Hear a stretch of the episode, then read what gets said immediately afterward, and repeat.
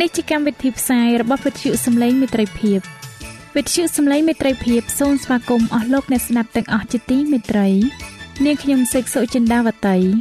ហើយខ្ញុំបាទអង្គច័ន្ទវិជ្ជៈក៏សូមស្វាគមន៍លោកអ្នកស្ដាប់ទាំងអស់ផងដែរនៅពេលនេះយើងខ្ញុំមានសេចក្តីសុំមនស្សរីករាយដោយបានវិលមកជួបអស់លោកអ្នកនាងកញ្ញាអ្នកស្ដាប់សាជាថ្មីម្ដងទៀត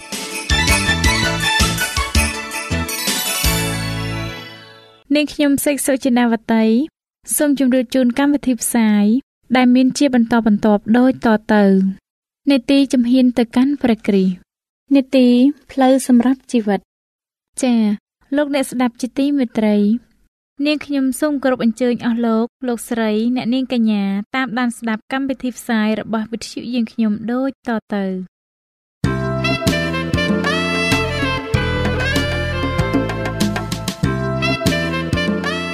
នីតិជំហានទៅកាន់ព្រះគ្រីស្ទ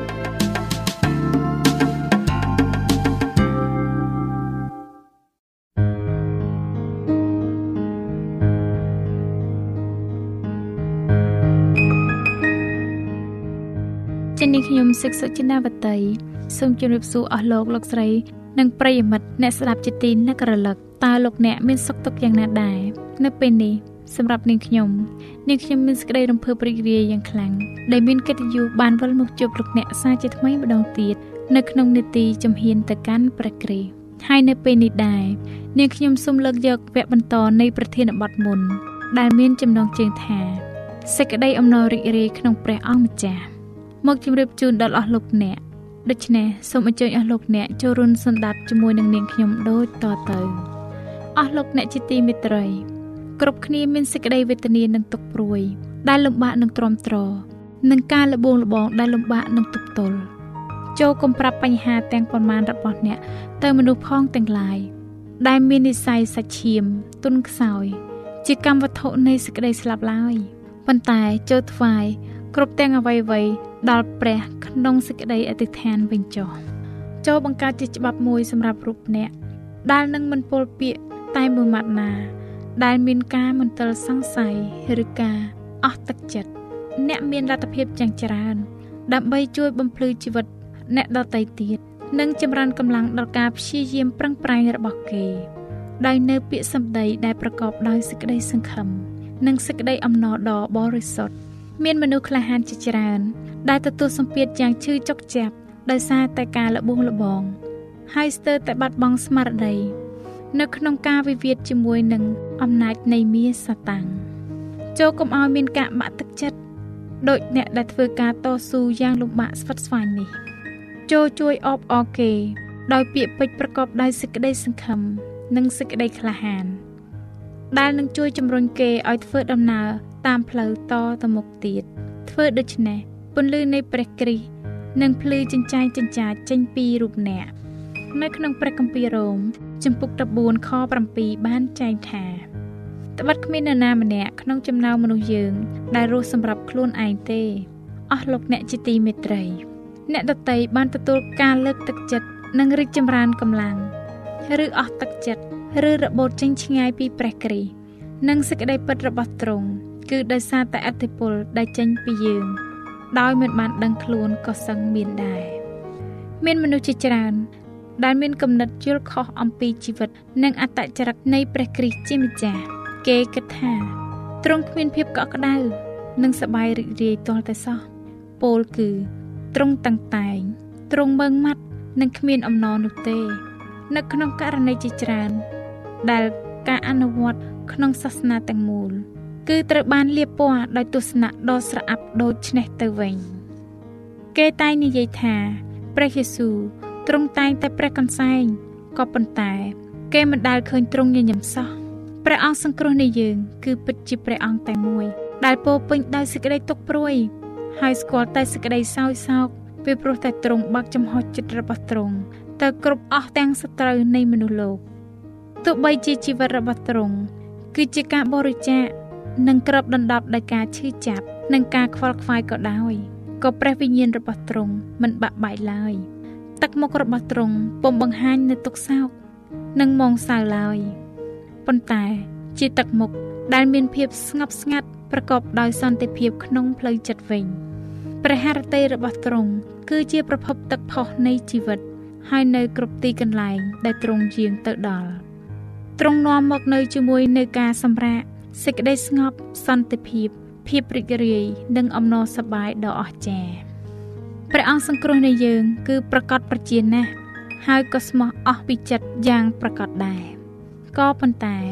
ទ្រង់មិនដែលស្រពប់ស្រពោននិងទុកព្រួយឡើយជីវិតរបស់អ្នកណា ដែលត្រាប់តាមទ្រង់នោះនឹងបានពោពេញទៅដោយគោលបំណងដ៏ស្មោះជាទីបំផុត គេនឹងមានចិត្តទទួលខុសត្រូវយ៉ាងខ្ពង់ខ្ពស់អ្នកឯណាដែលលេងសើចមិនយកចិត្តទុកដាក់នឹងត្រូវកែប្រែអប់រំសេចក្តីស្រវឹងក្អាក់ក្អាយ ការកំ pl ែងសើចចំអកនឹងមិនមានឡើយក៏ប៉ុន្តែ សាសនានៃព្រះយេស៊ូវផ្ដល់មកនូវសន្តិភាព ដូចជាទឹកទន្លេ ហើយមិនមែនមកបំបត្តិអំណរសប្បាយឬធ្វើឲ្យកកល្អក់ដល់ទឹកមុខញញឹមរីករាយនោះទេព្រះយេស៊ូវគ្រីស្ទពុំមែនយាងមក សម្រាប់ឲ្យយើងព្រានប្រដៅទ្រង់ទេ តែទ្រង់យាងមកនេះដើម្បីព្រានប្រដៅយើងវិញទេតាហើយនៅពេលដែលសេចក្តីស្រឡាញ់របស់ទ្រង់ សន្ធិដ្ឋនៅក្នុងចិត្តយើង នោះយើងនឹងដើរតាមគំរូដ៏ត្រចះត្រចង់របស់ទ្រង់ជាក់ជាមិនខានអស់លោកអ្នកដែលកំពុងស្ដាប់វិទ្យុសំឡេងមិត្តភាពជាទីមេត្រីប្រសិនបើយើងផ្ដោតអារម្មណ៍យ៉ាងខ្លាំងទៅលើអំពើអយុត្តិធម៌និងអសប្បុរសរបស់អ្នកដទៃនោះយើងមិនអាចស្រឡាញ់គេដោយដែលព្រះគិសស្រឡាញ់យើងនោះឡើយប៉ុន្តែ ប្រសិនបើចិត្តរបស់យើង ស្ថិតនៅលើសេចក្តីស្រឡាញ់ និងសេចក្តីអាណិតមេត្តាដ៏អស្ចារ្យរបស់ព្រះគ្រីស្ទមកលើរូបយើង នោះវិញ្ញាណបែបនោះនឹងហូរទៅកាន់អ្នកដទៃហើយយើងនឹងស្រឡាញ់និងគោរពគ្នាទៅវិញទៅមកថ្មីបើមានកំហុសនិងភាពខុសឆ្គងដែលយើងមើលទៅឃើញ យើងគួរតែបណ្ដុះបណ្ដាលនៅការ បន្ទន់បន្ទាបខ្លួននិងការមិនទុកចិត្តចំពោះខ្លួនឯងចំពោះការទុកចិត្តលើខ្លួនឯងពេកអាចបណ្ដាលឲ្យ មានគំនិតល្អៀងយើងនឹងបណ្ដោះឲ្យមានសេចក្តីអត់ធ្មត់យ៉ាងស្រទន់ជាមួយនឹងកំហុសរបស់អ្នកដទៃអំពើទាំងនោះនឹងបំបត្តិនៅភាពអាត្មានិយមយ៉ាងចង្អៀតចង្អល់ប៉ុន្តែនឹងធ្វើឲ្យយើងមានចិត្តទូលំទូលាយនិងសប្បុរសទៅវិញអស់លោកអ្នកជាទីមេត្រី អ្នកកាវៃទំនុកដង្កើងបានពោលនៅក្នុងព្រះគម្ពីរទំនុកដង្កើងចំពុក37ខ3យ៉ាងនេះថា ចូលទឹកចិត្តនឹងព្រះយេហូវ៉ា ហើយប្រព្រឹត្តការល្អចោះយ៉ាងនោះអ្នកនឹងបាននៅក្នុងស្រុក ហើយចំអាតខ្លួនដោយសេចក្តីពិត ថ្ងៃនីមួយនីមួយមានបញ្ហារបស់វា ហើយក្តីអំពុលអល់ឯកតែងតែមានក្នុងយើងរាល់គ្នា ព្រោះនៅពេលណាដែលយើងជួបគ្នាម្ដងម្ដង យើងមានជាស្រេចនឹងខ្លែងប្រាប់គ្នាទៅវិញទៅមកអំពីការទាំងនោះបញ្ហាដែលមិនមែនជារបស់ផងខ្លួននឹងចូលមកលុកលុយក្នុងចិត្ត ហើយក៏បង្កើតនិងបង្កើនបាន ជាសេចក្តីភ័យខ្លាចកាន់តែច្រើនឡើងច្រើនឡើងទំងន់នៃសេចក្តីអន្តេសា ដែលសម្ដែងចេញមក ធ្វើឲ្យអ្នកដតីទៀតគិតស្មានថា យើងមិនមានព្រះអង្គសង្គ្រោះ ដែលប្រកបដោយសេចក្តីស្រឡាញ់និងអាណិតមេត្តា ដែលទ្រង់ផ្ទៀងព្រះការជាស្រេចចាំស្ដាប់នៅសំណុំពរទាំងឡាយរបស់យើង និងជាជំនួយនៅគ្រប់ពេលវេលា ដែលយើងត្រូវការទ្រង់ទៅវិញ។ អស់លោកអ្នកដែលកំពុងស្ដាប់វិទ្យុសំឡេងមិត្តភាពជាទីមេត្រី មានអ្នកខ្លះទៀតតែងមានសេចក្តីភ័យខ្លាចនិងទទួលបញ្ហា ដែលមិនមែនជារបស់ផងខ្លួនផោះតាងនៃសេចក្តីស្រឡាញ់របស់ព្រះស្ថិតនៅជុំវិញខ្លួន ហើយគេត្រេកអរនឹងព្រះពរដ៏សម្បូរហូរហៀជារៀងរាល់ថ្ងៃក៏ប៉ុន្តែ គេបែរជាមើលមិនឃើញ នៅព្រះពរទាំងអស់នោះឡើយចិត្តរបស់គេ នៅតែដិតដាមជានិច្ច ទៅលើបញ្ហា ដែលគេមិនចុះសម្រុងហើយដែលគេមានអារម្មណ៍ភ័យខ្លាចថានឹងកើតមានឡើងឬក៏មានការលំបាកខ្លះកើតឡើងពិតប្រាកដទោះបីជាតិចតួចក៏ដោយក៏វា បំបត្តិបំបាំងភ្នែករបស់គេ ពីបញ្ហាជាច្រើន ដែលតម្រូវឲ្យគេសម្ដែង ការដឹងគុណដល់ព្រះជាម្ចាស់ដែរការលំបាកជាច្រើន ដែលគេទើបជួបប្រទះ មិនដែលនាំឲ្យគេចូលមកឯព្រះជាម្ចាស់ដែលជាប្រភពតែមួយនៃជំនួយរបស់គេឡើយតែវាបែរជាបំបែកបំបាក់រូបគេឲ្យឆ្ងាយពីទ្រង់ទៅវិញ ពីព្រោះតែគេបែរប្រឆាំងនិងរអ៊ូរទាំអំពីទ្រង់តើយើងមានជំនឿបែបនេះដែរឬតើហេតុអ្វីបានជាយើងមានចិត្តអកតញ្ញូនិងមិនមានទំនុកចិត្តលើព្រះដូច្នេះព្រះយេស៊ូវជាមិត្តសម្លាញ់របស់យើង ហើយគ្រប់ទាំងទេវតា គឺយកចិត្តទុកដាក់ចំពោះសុខុមាលភាពរបស់យើងថែមទៀតផង យើងមិនគួរអនុវត្តឲ្យកង្វល់អល់ឯកនឹងការព្រួយបារម្ភចំពោះជីវិតប្រចាំថ្ងៃមកបង្កជាទុក្ខក្នុងអារម្មណ៍និងកកលអក់ក្នុងទឹកមុខរបស់យើងឡើយប្រសិនបើយើងធ្វើដូច្នោះនោះយើងនឹងមានបញ្ហាខ្លះដែលធ្វើឲ្យមួម៉ៅរំខានដល់ចិត្តហើយ យើងមិនគួរបណ្ដេតបណ្ដោយទៅលើសេចក្តីកង្វល់ដែលគ្រាន់តែធ្វើឲ្យយើងមួម៉ៅនិងនឿយណាយតែប៉ុណ្ណោះទេក៏ប៉ុន្តែវាមិនបានឲ្យយើងទ្រាំទ្រចំពោះការវេទនាទាំងឡាយនោះសោះឡើយ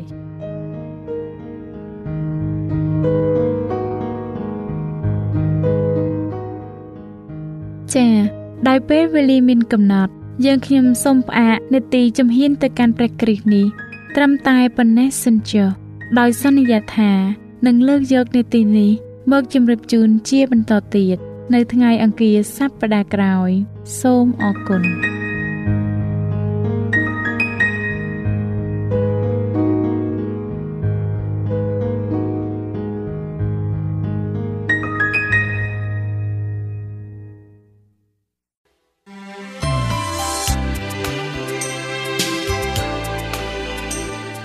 ទ្យុសំឡេងមេត្រីភាព AWR ជាវិទ្យុដែលនាំមកពីក្នុងការនាំព្រះរាជសាររបស់ព្រះជាម្ចាស់សម្រាប់លោកអ្នក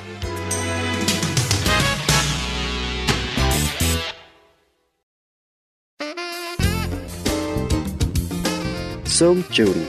នីតិផ្លូវសម្រាប់ជីវិត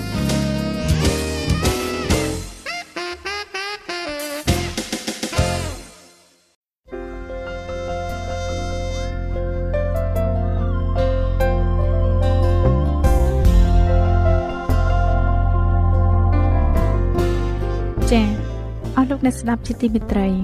ជាបន្តទៅទៀតនេះនាងខ្ញុំសូមថ្លែងអំណរគុណយ៉ាងជ្រាលជ្រៅចំពោះការតាមដានស្ដាប់នេតិផ្លូវសម្រាប់ជីវិត របស់យើងខ្ញុំ តាំងពីមេរៀនទី1រហូតដល់មេរៀនទី25ជាមេរៀនចុងក្រោយនេះយើងខ្ញុំសូមឲ្យអស់លោកអ្នកនាងទាំងអស់បានប្រកបដោយព្រះគុណនៃព្រះហើយនៅថ្ងៃនេះលោកអ្នកនាងនឹងបានស្ដាប់មេរៀនថ្មីមួយទៀតដែលជាមេរៀនចុងក្រោយ ដែលមានចំណងជើងថា យើងត្រូវរស់នៅសម្រាប់ព្រះតើយើងត្រូវរស់នៅសម្រាប់ព្រះជាម្ចាស់ដោយរបៀបណាខ្លះចា៎ដើម្បីឲ្យអស់លោកអ្នកយល់កាន់តែច្បាស់ថែមទៀតនៅមេរៀនថ្មីនេះនាងខ្ញុំសូមគោរពអញ្ជើញអស់លោកអ្នកនាងតាមដានស្ដាប់មេរៀនទី25ភាគទី1នេះដែលនឹងជម្រាបជូនដល់លោកអង្គច័ន្ទវិជ្ជៈដូចតទៅនីតិផ្លូវសម្រាប់ជីវិតរស់នៅសម្រាប់ព្រះមិត្តសម្លាញ់ទាំងឡាយអើយ នេះជាការសិក្សាចុងក្រោយបំផុតរបស់យើងនៅអត្ថបទមេរៀនផ្លូវនៃជីវិតនេះហើយដូច្នេះខ្ញុំរៀបចំសម្បត្តិមួយផ្ទាល់សម្រាប់លោកអ្នកដើម្បីឲ្យមានទំនាក់ទំនងរវាងសន្តានចិត្តលោកអ្នកនិងខ្ញុំអំពីការរស់នៅដើម្បីព្រះយេស៊ូវលោកអ្នកនឹងគ្មានសញ្ញាសំណួរត្រូវបំពេញទេប៉ុន្តែយើងខ្ញុំគ្រាន់តែចង់ឲ្យលោកអ្នកអានគ្រប់ផ្នែកស្ដាប់គ្រប់ផ្នែកនៃអត្ថបទនេះដោយយកចិត្តទុកដាក់និងប្រុងប្រយ័ត្នតែប៉ុណ្ណោះ។ ពេលចូលមកដល់ទីបញ្ចប់នៃមេរៀននេះវាហាក់ដូចជាធ្វើឲ្យយើង មានការសោកស្ដាយបន្តិចប៉ុន្តែ វាជាការដែលគួរឲ្យរីករាយណាស់ផងដែរដែលលោកអ្នកបានតាមដានសិក្សាអត្ថបទរបស់យើងខ្ញុំតាំងពីភាគទី1រហូតដល់ភាគទីបញ្ចប់នេះដែលលោកអ្នកបានតាមដានសិក្សានៅអត្ថបទរបស់យើងយើងខ្ញុំចង់សំណូមពរដល់លោកអ្នកនៅទីនេះតាមលទ្ធភាពដែលអាចធ្វើបាន ដើម្បីទទួលលោកអ្នកផ្សេងទៀតឲ្យមកសិក្សានៅមេរៀននេះផងដែរ សូមលោកអ្នកសរសេរសម្បត្តិទៅមិត្តរបស់លោកអ្នកឬក៏ទៅសួរសុខទុក្ខគេហើយធ្វើឲ្យគេមានសេចក្តីក្លាហានកុំឲ្យស្រពេចស្រពិលហើយចោះឈ្មោះភ្លាមប្រហែលជាលោកអ្នកមានអ្នកខ្លះបានរកឃើញផ្លូវទៅកាន់ព្រះជាម្ចាស់ដោយសារការសុំរបស់លោកអ្នកឲ្យគេរៀនមេរៀនទាំងអស់នេះសូមលោកអ្នកអធិស្ឋានរៀងរាល់ថ្ងៃរៀងរាល់ព្រឹកពេលដែលភ្ញាក់ពីដំណេកសូមលោកអ្នកកុំបង្អង់យូរសូមលុតជង្គង់ចុះហើយអធិស្ឋានសូមឲ្យព្រះអង្គរក្សាលោកអ្នក ឲ្យលោកអ្នកបានស្មោះត្រង់នឹងត្រង់ក្នុងមួយថ្ងៃមួយថ្ងៃពីមួយថ្ងៃទៅមួយថ្ងៃ ការអធិស្ឋាន គឺជាការនិយាយទៅកាន់ព្រះយេស៊ូវហើយទ្រង់ក៏ចូលចិត្តឲ្យលោកអ្នកនិយាយទៅរកទ្រង់ណាស់លោកអ្នកប្រហែលជាមានមិត្តសម្លាញ់ដែលមានទូរស័ព្ទប្រសិនបើលោកអ្នកពុំបានទូរស័ព្ទទៅរកមិត្តរបស់លោកអ្នកអស់រយៈពេលដ៏យូរធ្វើឲ្យមិត្តរបស់លោកអ្នកមានការអន់អន់ចិត្តហើយមិត្តរបស់លោកអ្នកនឹងគិតថាលោកអ្នកបំភ្លេចគេចោលហើយព្រះយេស៊ូវសពព្រះハរតីចង់បានលោកអ្នកជាមិត្តសម្លាញ់ ដ៏ជិតស្និទ្ធរបស់ទ្រង់ចាប់ពីពេលនេះតទៅដូច្នេះសូមហៅរកព្រះអង្គតាមខ្សែទូរស័ព្ទទៅស្ថានសួគ៌គឺជាសេចក្តីអធិស្ឋាននេះឯងខ្ញុំជឿជាក់ថាព្រះយេស៊ូវទ្រង់ពុំដែលមានរវល់អ្វីឲ្យខកខានហើយពុំបានមានបន្ទូលមកកាន់លោកអ្នកវិញនោះទេដូច្នេះសូមកុំភ្លេចអធិស្ឋានថ្ងៃមួយកូនស្រីតូចរបស់ខ្ញុំបានសួរខ្ញុំថាប៉ាប៉ាអ្នកណាបានដាស់កូនឲ្យក្រោកពីដំណេករាល់ថ្ងៃ នេះគឺជាចម្លើយក្នុងព្រះគម្ពីរព្រះគម្ពីរអេសាយជំពូក50ខ4បានសម្ដែងប្រាប់យើងថាទ្រង់ដាស់ខ្ញុំរាល់តែព្រឹកគឺទ្រង់ដាស់ត្រចៀកខ្ញុំដូចជាអ្នកដែលកំពុងតែរៀនសូត្រក្មេងស្រីខ្លះអាចឆ្លើយថាប៉ុន្តែគឺម៉ែខ្ញុំទេដែលដាស់ខ្ញុំរាល់ព្រឹកអាគឺព្រះយេស៊ូវទេដែលបណ្ដាលឲ្យយើងស្ដាប់នូវសូរសំឡេងម្ដាយរបស់យើងជីវិតលោកអ្នកគឺស្រេចតែលើព្រះអង្គតែប៉ុណ្ណោះដូច្នេះសូមកុំភ្លេចអធិស្ឋានតាមរយៈសេចក្តី ដើម្បីឲ្យលោកអ្នកបានប្រកល់សេចក្តីទុកចិត្តដល់ទ្រង់ព្រះជាម្ចាស់មិនទៅណាចោលលោកអ្នកនោះទេដូច្នេះសូមកុំភ្លេចអធិស្ឋានឲ្យសោះបើសិនជាលោកអ្នកធ្លាក់ទៅក្នុងអំពើបាបខ្លះហើយនោះសូមកុំនិយាយថាអូដូចជាកាយខ្លួនលែងកាត់ឲ្យខ្ញុំព្រោះខ្ញុំវាខ្សោយណាស់ទៅហើយអរិយសាតាំងបានឲ្យលោកអ្នកលះបង់ចោលក្នុងក្តីសង្ឃឹមប៉ុន្តែព្រះគ្រីស្ទបានសន្យាថាព្រះជាម្ចាស់អាចរក្សាមិនឲ្យអ្នករាល់គ្នាជំពប់ដួល ហើយនឹងដាក់អ្នករាល់គ្នានៅចំពោះស្រីល្អទ្រង់ដោយឥតមានកន្លែងបន្ទោសបានឡើយព្រមទាំងមានចិត្តត្រេកអរផងព្រះគម្ពីរយុដាសខ24លោកយូហាន ជាសិស្សដ៏ជាទីស្រឡាញ់នៃព្រះយេស៊ូវបានរំលឹកយើងតាមរយៈព្រះគម្ពីរយូហាន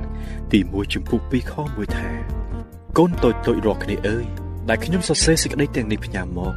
ដើម្បីកុំឲ្យអ្នករាល់គ្នាធ្វើបាបទៀតតែអ្នកណាភ្លាត់ធ្វើបាបវិញនោះ យើងមានព្រះរាជាជំនួយមួយព្រះអង្គដែលទ្រង់គង់នៅចំពោះព្រះវរបិតាគឺជាព្រះយេស៊ូវគ្រីស្ទជាព្រះដ៏សុចរិតដូច្នេះសូមកុំភ្លេចអធិស្ឋានឲ្យសោះបើសិនជាលោកអ្នកបានប្រែចិត្តហើយសូមអញ្ជើញទៅឯព្រះយេស៊ូវដែលជាព្រះជំនួយនៃយើងរាល់គ្នាក្នុងសេចក្តីអធិស្ឋានសូមព្រះអង្គអត់ទោសបាបឲ្យលោកអ្នកព្រះអង្គនឹងបានលើហើយទ្រង់គ្រប់ដណ្ដប់អំពើបាបរបស់លោកអ្នកដោយព្រះលោហិតរបស់ទ្រង់ដូច្នេះ បើលោកអ្នកធ្លាក់ទៅក្នុងអំពើបាបណាមួយឬក៏បានធ្វើកំហុសណាមួយសូមកុំឲ្យបាត់សេចក្តីក្លាហានឲ្យសោះដោយកុំភ្លេចអធិស្ឋានឡើយ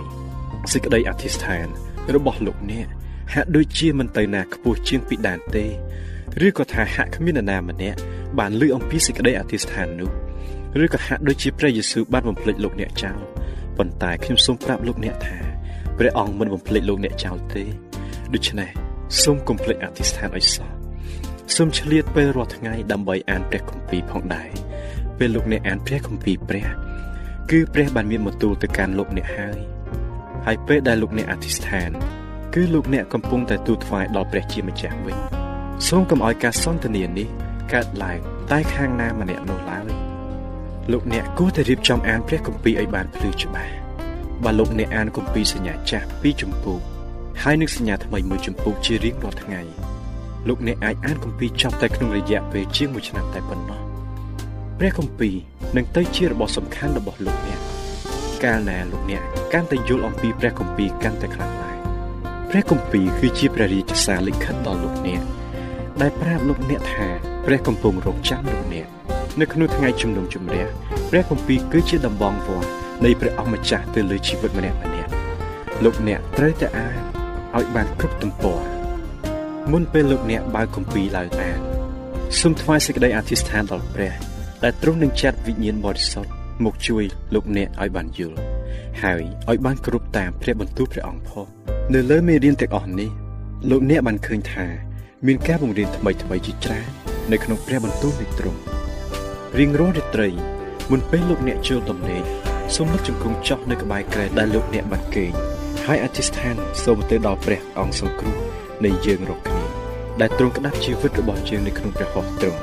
យ៉ាងដូចម្ដេចបានជាមនុស្សខ្លះហ៊ានចូលគេងដោយមិនបាច់សូមឲ្យព្រះយេស៊ូវថែរក្សាការពារគេយ៉ាងដូច្នោះលោកដារីញ៉ាលមិនត្រឹមតែលុតជង្គង់អធិស្ឋាននៅពេលព្រឹកនិងល្ងាចនោះទេប៉ុន្តែគាត់បានអធិស្ឋានយ៉ាងទៀងទាត់នៅពេលរស់ថ្ងៃត្រង់ព្រះគម្ពីរដានីយ៉ែលចំពុក6ខ10បានបង្ហាញអំពីលោកដារញ៉ាដែលលោកលុតជង្គង់ចុះអធិស្ឋានហើយអរគុណដល់ព្រះរបស់គាត់ មួយថ្ងៃ3ដងដូចកាលពីមុនជានិច្ចកាលលោកអ្នកតែងតែនឹងបានជួបប្រទះសេចក្តីល្បួងណាមួយយ៉ាងពិសេសក្នុងមួយថ្ងៃមួយថ្ងៃដូច្នេះសូមកុំភ្លេចអធិស្ឋានឲ្យសោះទោះជាសេចក្តីល្បួងខំពាត់លោកអ្នកយ៉ាងណាក៏ដោយក៏លោកអ្នកអាចអធិស្ឋានដោយស្ងៀមស្ងាត់នៅក្នុងចិត្តទៅកាន់ព្រះជាម្ចាស់បានដែរព្រះអង្គគឺជាព្រះយេស៊ូវទ្រង់នឹងលើសំឡេងស្រែកហៅតិចតិចហាក់បីដូចជាខ្សឹបដាក់ប្រដាប់បំពងសំឡេងប៉ុន្តែសំឡេងនេះ អាចស្ដាប់ឮរាប់ពាន់គីឡូម៉ែត្របើលោកអ្នកបានអធិស្ឋានយ៉ាងស្ងៀមស្ងាត់នៅទីណាមួយឬនៅពេលណាមួយព្រះអង្គនឹងលើសំឡេងរបស់លោកអ្នកហើយនឹងជួយលោកអ្នកមិនខានដូច្នេះសូមកុំភ្លេចអធិស្ឋានឲ្យសោះជួនកាលលោកអ្នកបាត់សេចក្តីក្លាហានអស់ហើយអ្វីអ្វីទាំងអស់ហាក់ដូចជាងងឹតសូនឈឹង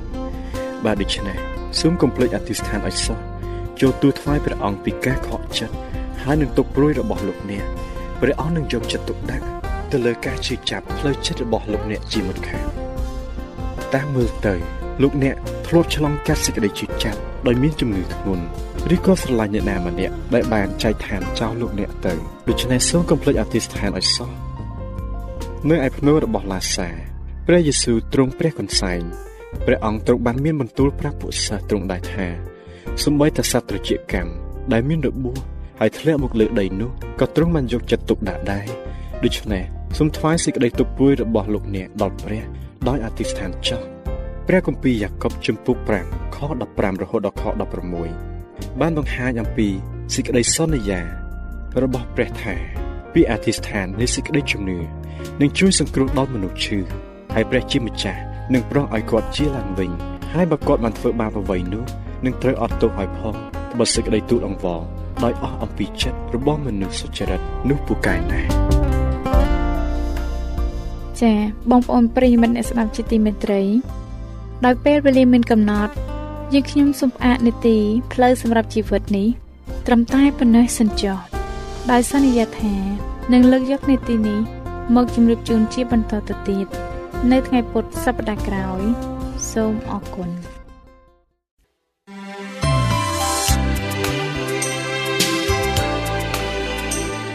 វិទ្យុសំឡេងមេត្រីភាព AWR មានផ្សាយពីរដងក្នុងមួយថ្ងៃ គឺព្រឹកនៅម៉ោង6និងពេលយប់នៅម៉ោង8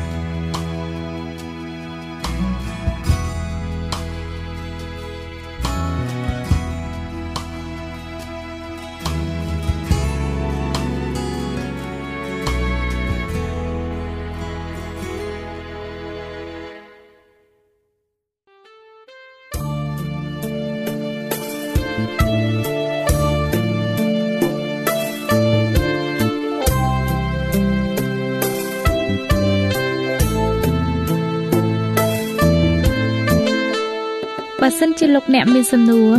ឬសំណុំពរអ្វីសូមតាក់ទងមកការិយាល័យវិទ្យុយើងខ្ញុំ តាមអាស័យដ្ឋានផ្ទះលេខ15ផ្លូវលេខ568សង្កាត់បឹងកក់2ខណ្ឌទួលគោករាជធានីភ្នំពេញលោកអ្នកក៏អាចសរសេរសម្បត្តិផ្ញើមកយើងខ្ញុំ តាមរយៈប្រអប់សម្បត្តិលេខ488ភ្នំពេញឬតាមទូរស័ព្ទលេខ012 34 96 64ឬ097 80 81 060ឬក៏តាមរយៈអ៊ីមែល vol@awr.org យើងខ្ញុំរងចាំទទួលស្វាគមន៍អស់លោកអ្នកនាងដោយក្តីសោមនស្សរីករាយហើយលោកអ្នកក៏អាចស្ដាប់កម្មវិធីនេះឡើងវិញដោយចូលទៅកាន់ website របស់វិទ្យុយើងខ្ញុំ តាមរយៈអាស័យដ្ឋាន www.awr.org